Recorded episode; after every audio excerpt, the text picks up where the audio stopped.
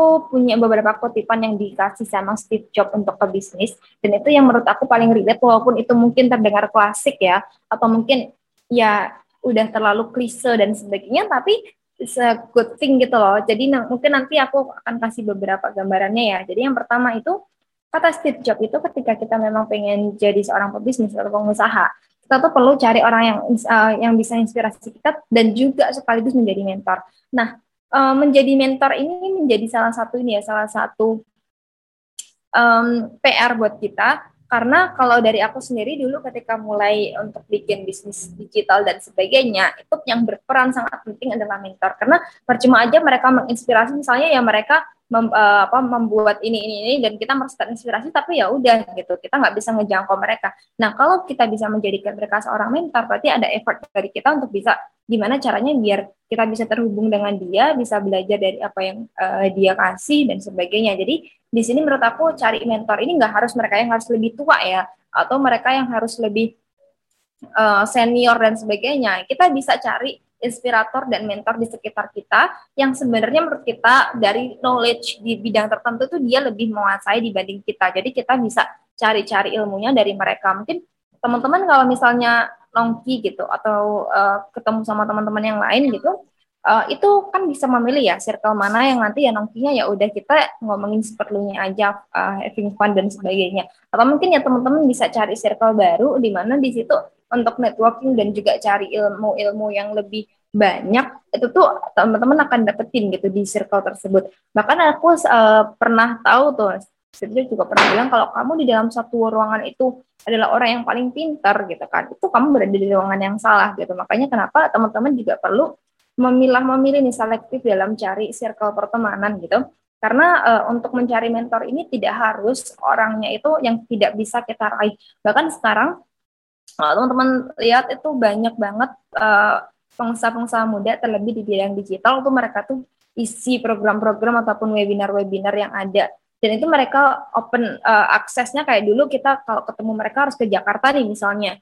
Itu sekarang enggak kita bisa ikutan program mereka dan itu bisa langsung tanya jawab bareng mereka. Nah ini tergantung dari teman-teman nih pengen cari mentornya itu seperti apa. Karena mentor di sini menurut aku menjadi uh, akses yang penting kita bisa lebih menemukan atau bisa nge kita gimana um, kita tuh bisa tahu gitu loh mana titik yang mungkin ini benar mana yang salah. Karena kalau kita misalnya ngecoba nih terus kita mungkin nggak ada uh, supportive sistemnya ya kayak temen atau mungkin yang mentor itu tadi gitu.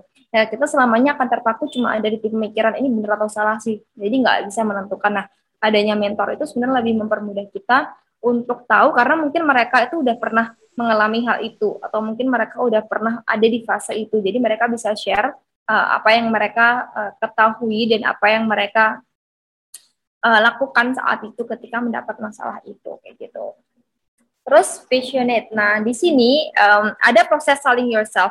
Di mana kalau teman-teman tahu nih, kalau dia itu punya bisnis dan sebelumnya dia tuh udah punya nama nih, atau mungkin sebelumnya dia uh, udah udah apa namanya, udah memiliki prestasi-prestasi lainnya gitu, yang itu sangat menunjang dari bisnisnya. Nah, itu akan sangat-sangat mudah uh, orang lain itu bisa terpikat sama ide bisnis kita miliki tampilan emosi yang kuat di sini tuh maksudnya ya dari teman-teman memang sangat menguasai apa yang teman-teman sekarang lagi lakukan entah itu produk ataupun layanan yang teman-teman sedang um, sedang jual kayak gitu. Nah, punyai dan cari privilege sesuai diri. Jadi privilege di sini tidak hanya terbatas atas ya adanya uang, adanya uh, apa namanya relasi-relasi yang dari orang lain tuh mungkin apa namanya nggak bisa capai Nah, di sini kalau teman-teman sendiri belum menemukan privilege apa yang ada di dalam diri teman-teman, ya itu cari gitu. Karena privilege ini juga tidak hanya uh, terbatas ke tadi ya, kita punya teman yang suportif, is a privilege gitu. Kita punya lingkungan yang suportif, itu juga privilege. Atau kita bisa cari network ataupun relasi yang orang lain tuh kayaknya nggak begitu butuh, tapi kita tuh sangat yakin bahwa mereka itu adalah orang-orang yang bisa kita ajakin ajakin berdiskusi dan sebagainya itu privilege. Jadi kalau misalnya teman-teman belum punya network dan sebagainya untuk di bisnis, cari gitu. Karena uh, network di dalam bisnis itu sebagai partner yang penting ya gitu. Karena bisnis itu mungkin bisa kita growing uh, apa ya growing wider atau kita bisa bergerak lebih luas ketika kita juga punya uh, network ataupun um, apa relasi-relasi yang kita bisa manfaatkan untuk perkembangan bisnis kita. Makanya kalau belum punya ya kita harus cari itu gitu. Jadi ini bukan sesuatu yang memang dari lahir kita miliki gitu. Kita bisa mencari itu sejak kita siap untuk mencarinya kayak gitu. Karena proses selling yourself tadi penting ketika kita beli sesuatu nih. Kalau itu yang punya itu adalah orang yang mungkin wow kayak gitu. Itu kita tuh juga ada keinginan untuk ya ini gue mau pengen, mau beli deh gitu kayak misalnya apa ya uh, produk skincare aja di sekarang udah banyak banget tapi kita bisa memilih mana sih yang mereka sendiri itu kelihatan nih apa namanya uh, itu memang ada di uh, produk itu jadi kita tuh lebih yakin dan lebih uh, merasa aman gitu dengan produk yang mereka keluarkan karena ya mereka tuh passionate di bidang itu gitu jadi ini teman-teman juga harus miliki gitu kalau misalnya uh, pengen bergerak di bidang fashion gitu ya setidaknya dari teman-teman itu juga memiliki apa ya sarana-sarana yang teman-teman sendiri itu bisa gunakan untuk meyakinkan si customer atau calon pelanggan kita bahwa ya kita memang memang uh, bisa dipercaya gitu untuk menawarkan produk fashion ini gitu. Terus uh, bisnis yang dicintai. Nah, ini yang menjadi salah satu nih ya, salah satu yang Steve Jobs juga uh, terapkan bahwa cinta itu menjadi salah satu landasan dari um, bisnis yang kita pengen kembangkan gitu. Jadi kayak dari Steve Jobs sendiri dia sangat mencintai teknologi di mana yang akhirnya melahirkan bis, uh, bisnis produk dari Apple itu sendiri gitu. Nah kalau uh, kita sendiri bisa bisa telah lagi ya. Kadang kita tuh bekerja itu juga belum tentu itu kerjaan yang kita cintai. Yang di mana akhirnya memunculkan banyak tekanan. Sekarang pun lebih banyak anak-anak muda yang kayak mereka lebih memilih tempat kerja yang mere membuat mereka nyaman. Dibandingkan yang nggak apa-apa deh uh, dapat duitnya. Mungkin salarinya lebih gede tapi di situ tiap hari itu dapat tekanan batin dan sebagainya. Mungkin dari lingkungannya yang toxic dan sebagainya. Orang lebih memilih untuk kenyamanan gitu. Nah di sini juga sama. Kalau bisnis kita uh, memilih nih the only way to do great work is to love what you do. Jadi apa yang kita suka gitu. Karena ketika kita menyukai hal itu kita tuh kayak lebih lebih apa ya lebih um, seribu, seribu persen gitu loh. Lebih um, full effort kita gitu. Kayak tadi kenapa aku menjalankan bisnis edukasi manajemen ya?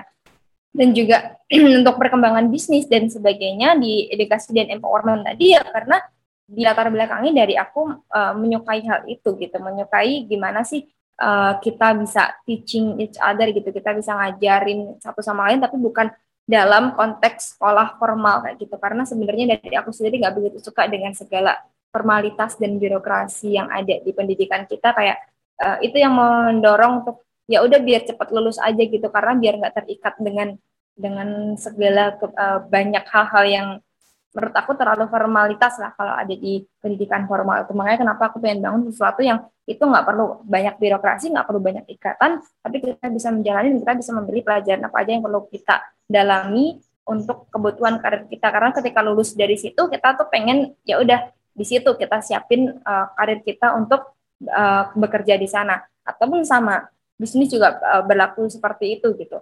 Jadi ketika kita berbisnis apa yang kita suka sama yang enggak gitu kan. Kan itu dari tingkat knowledge kita kan berbeda kan. Nah itu nanti akan jatuhnya kalau kita memang enggak suka di situ ya udah mungkin uh, kita akan menjalankan bisnis asal-asalan gitu. Mungkin di awal teman-teman masih bingung nih aku suka apa ya? Kayak banyak banget yang aku suka. Atau justru malah aku kayaknya nggak ada suka apa-apa deh gitu.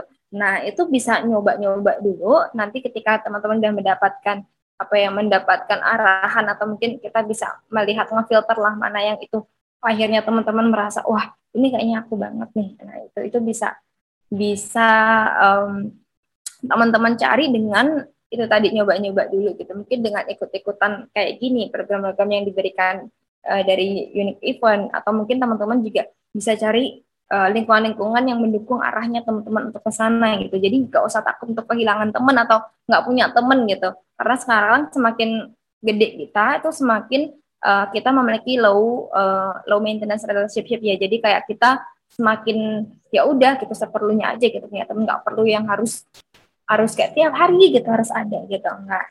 Ini merupakan nextnya yang tadi ketika kita bergabung atau kita bisa menciptakan komunitas sendiri yang memang mendukung dari proses ide bisnis kita gitu, itu akan jauh lebih mudah untuk kita bisa uh, mencapai hal itu karena berkumpul dengan orang-orang yang berpikiran sama dan suportif itu akan membuat kita tuh lebih mudah untuk bisa maju. Karena um, kalau teman-teman juga rasakan ya sekarang kalau misalnya nih ada nge-share ide gitu ya, misalnya kayak uh, teman-teman ada ngasih tahu ke teman-teman nongki biasanya gitu, nih gue punya bisnis, punya ide kayak gini ya misalnya.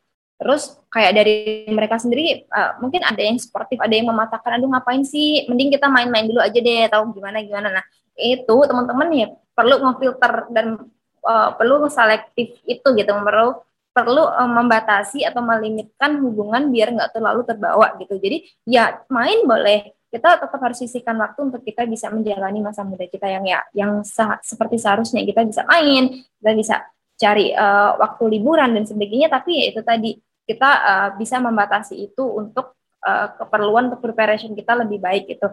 Jadi um, kayak misalnya teman-teman sekarang yang ada di Surabaya atau mungkin di daerah-daerah lain itu tuh pasti ada komunitas wirausaha yang ada di sana. Bahkan kalau biasanya kalau aku pindah tempat nih dulu waktu aku di Batam dan aku balik lagi uh, ke Jawa kemarin, ke pertama kali aku kan turunnya itu di Surabaya gitu kan. Di Surabaya itu yang pertama kali aku cari di mana sih ke working space gitu. Atau uh, kalau teman-teman nggak uh, asing working space itu tempat yang biasa kita di uh, biasanya buat bisa kerja, bisa ini, bisa kita sewa room untuk kita bisa belajar dan sebagainya gitu. Kalau di Surabaya itu misalnya kayak ada satu atap, terus kayak ada koridor space dan sebagainya. Di mana kebanyakan orang-orang yang memang punya uh, apa ya, punya um, ketertarikan yang sama di bisnis itu mereka jauh lebih banyak bisa ditemui di coworking coworking space itu kalau mereka punya lini bisnis yang sama dengan kita ya. Balik lagi kalau teman-teman berada di lini bisnis misalnya ke fashion, ke mungkin ke F&B dan sebagainya, ya itu teman-teman cari uh,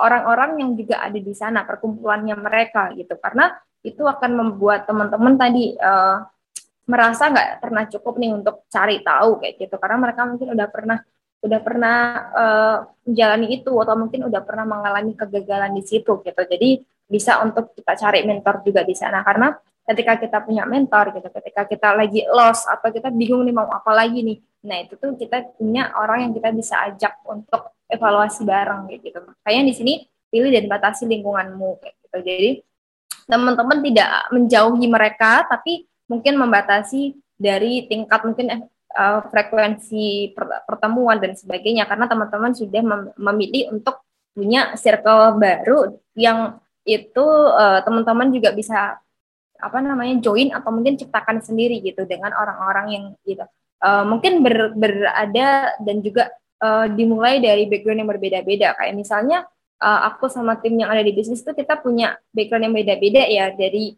dari uh, entah itu kesukaannya atau mungkin dari background pendidikan yang berbeda-beda. Tapi kita akhirnya bisa jadi satu karena kita punya satu visi yang sama kayak gitu. Kita punya ketertarikan yang sama. Nah, cari orang-orang yang seperti itu tuh sebenarnya nggak gampang gitu. Makanya kenapa kita uh, perlu coba carinya ya dengan kita bisa cari atau nyiptain itu sendiri uh, lingkungannya gitu. Lalu ya ini yang paling penting menurut aku karena kita kadang merasa bahwa kalau kita punya bisnis kita bisa bergerak sendiri gitu. Yap itu memang nggak salah karena kita ketika ingin membangun sesuatu tuh ya jangan nunggu ada temannya dulu baru kita mulai. Tapi ketika teman-teman sudah ingin membuat bisnisnya itu lebih luas, itu nggak bisa teman-teman hanya ber, bekerja sendiri. Makanya kenapa di sini aku bilang if you want to go fast, go alone. Jadi kalau memang lebih cepat itu kita tuh memang uh, sendiri itu akan lebih cepat tapi kalau bareng kita tuh akan bisa lebih jauh kayak gitu makanya kalau teman-teman punya bisnis yang nanti pengen itu dikembangin nggak cuma di satu tempat doang atau mungkin nggak cuma di satu lini doang kita perlu adanya kerjasama tim gitu karena ya itu tadi if you want to go far go together gitu terus um, keep update nah baca ini nggak harus baca buku ya jadi kita baca di di media sosial scrolling dan sebagainya itu kita salah satu langkah yang uh, kita bisa apa ya ambil karena untuk update-nya. Kayak misalnya uh, punya Twitter kan ya teman-teman. Nah, kita gunain Twitter itu menurut aku Twitter itu jadi salah satu media yang paling update sih. Karena kalau Instagram itu kan kita perlu perlu apa ya perlu bikin uh, visualnya dulu baru nanti baru diupload gitu kan. Kalau di Twitter itu kayaknya beritanya tuh cepet banget gitu update-nya. Nah, itu yang kayak aku bilang aku uh, pun baca bacanya ya informasi-informasi yang ada di yang ada di media sosial itu untuk keep update misalnya ada ada isu apa di dunia dan sebagainya apalagi di Indonesia sendiri gitu nah itu kita pinter-pinter filter ya karena di media sosial juga nggak sepenuhnya oke okay juga gitu. Makanya dari kita juga perlu membatasi uh, apa yang kita bisa scroll, siapa aja yang kita follow dan sebagainya gitu. Dan um, yang paling penting adalah kita merencanakan eksekusi dan evaluasi. Nah, sebenarnya gini, kalau kita punya bisnis, kalau kita biasanya bilang ya udah kita mulai aja dulu gitu. Tapi mulai aja dulu ini nggak serta merta uh, kita mulainya dari zero ya, dari 0% gitu. Sebelum kita eksekusi, kita perlu ada rencana dulu. Ini siapa yang nanti uh, aku misalnya bisnisnya itu produk ya. Nanti aku dapat produknya dari mana? Apakah produksi sendiri atau aku ambil dari orang lain dulu gitu. Terus nanti sistem distribusinya gimana, pengantarannya gimana, pengirimannya gimana, nah, itu harus ada rencananya dulu. Jadi kita nggak bener-bener lost gitu ketika kita eksekusi. Kan kita mau mengeksekusi ide yang kita pengen kayak gitu. Nah, idenya itu kan kita perlu rencanain dulu. Nah, mungkin teman-teman di sini yang belum punya bisnis tapi udah ada kepikiran nih nantinya pengen bangun bisnis gitu ya. Dan juga pengen dieksekusi itu. Jadi nggak cuma nggak cuma direncanain doang, yaitu tadi perlu adanya beberapa poin-poin yang teman-teman perlu uh, siapkan gitu. Kayak misalnya uh, unique event ini diadakan dari unique uh, diadakan oleh khusus atau spesial dari uh, unique class. Nah, teman-teman di sini udah pada tahu belum unique class apa? Nah, di situ nanti uh, dari unique class sendiri ya perlu merencanakan uh, apa aja sih yang perlu disampaikan, apa aja yang perlu dipublikasikan kepada teman-teman kayak gitu. Itu tuh berdasarkan rencana-rencana yang sudah dibangun yang sampai akhirnya membuat uh, pertemuan kita pada pagi hari ini gitu. Jadi habis ini pasti akan ada evaluasi. Ini udah udah oke okay belum dan sebagainya. Jadi itu sama sih e, kaitannya nggak cuma di layanan doang, di produk juga sama seperti itu. Gitu. Oke.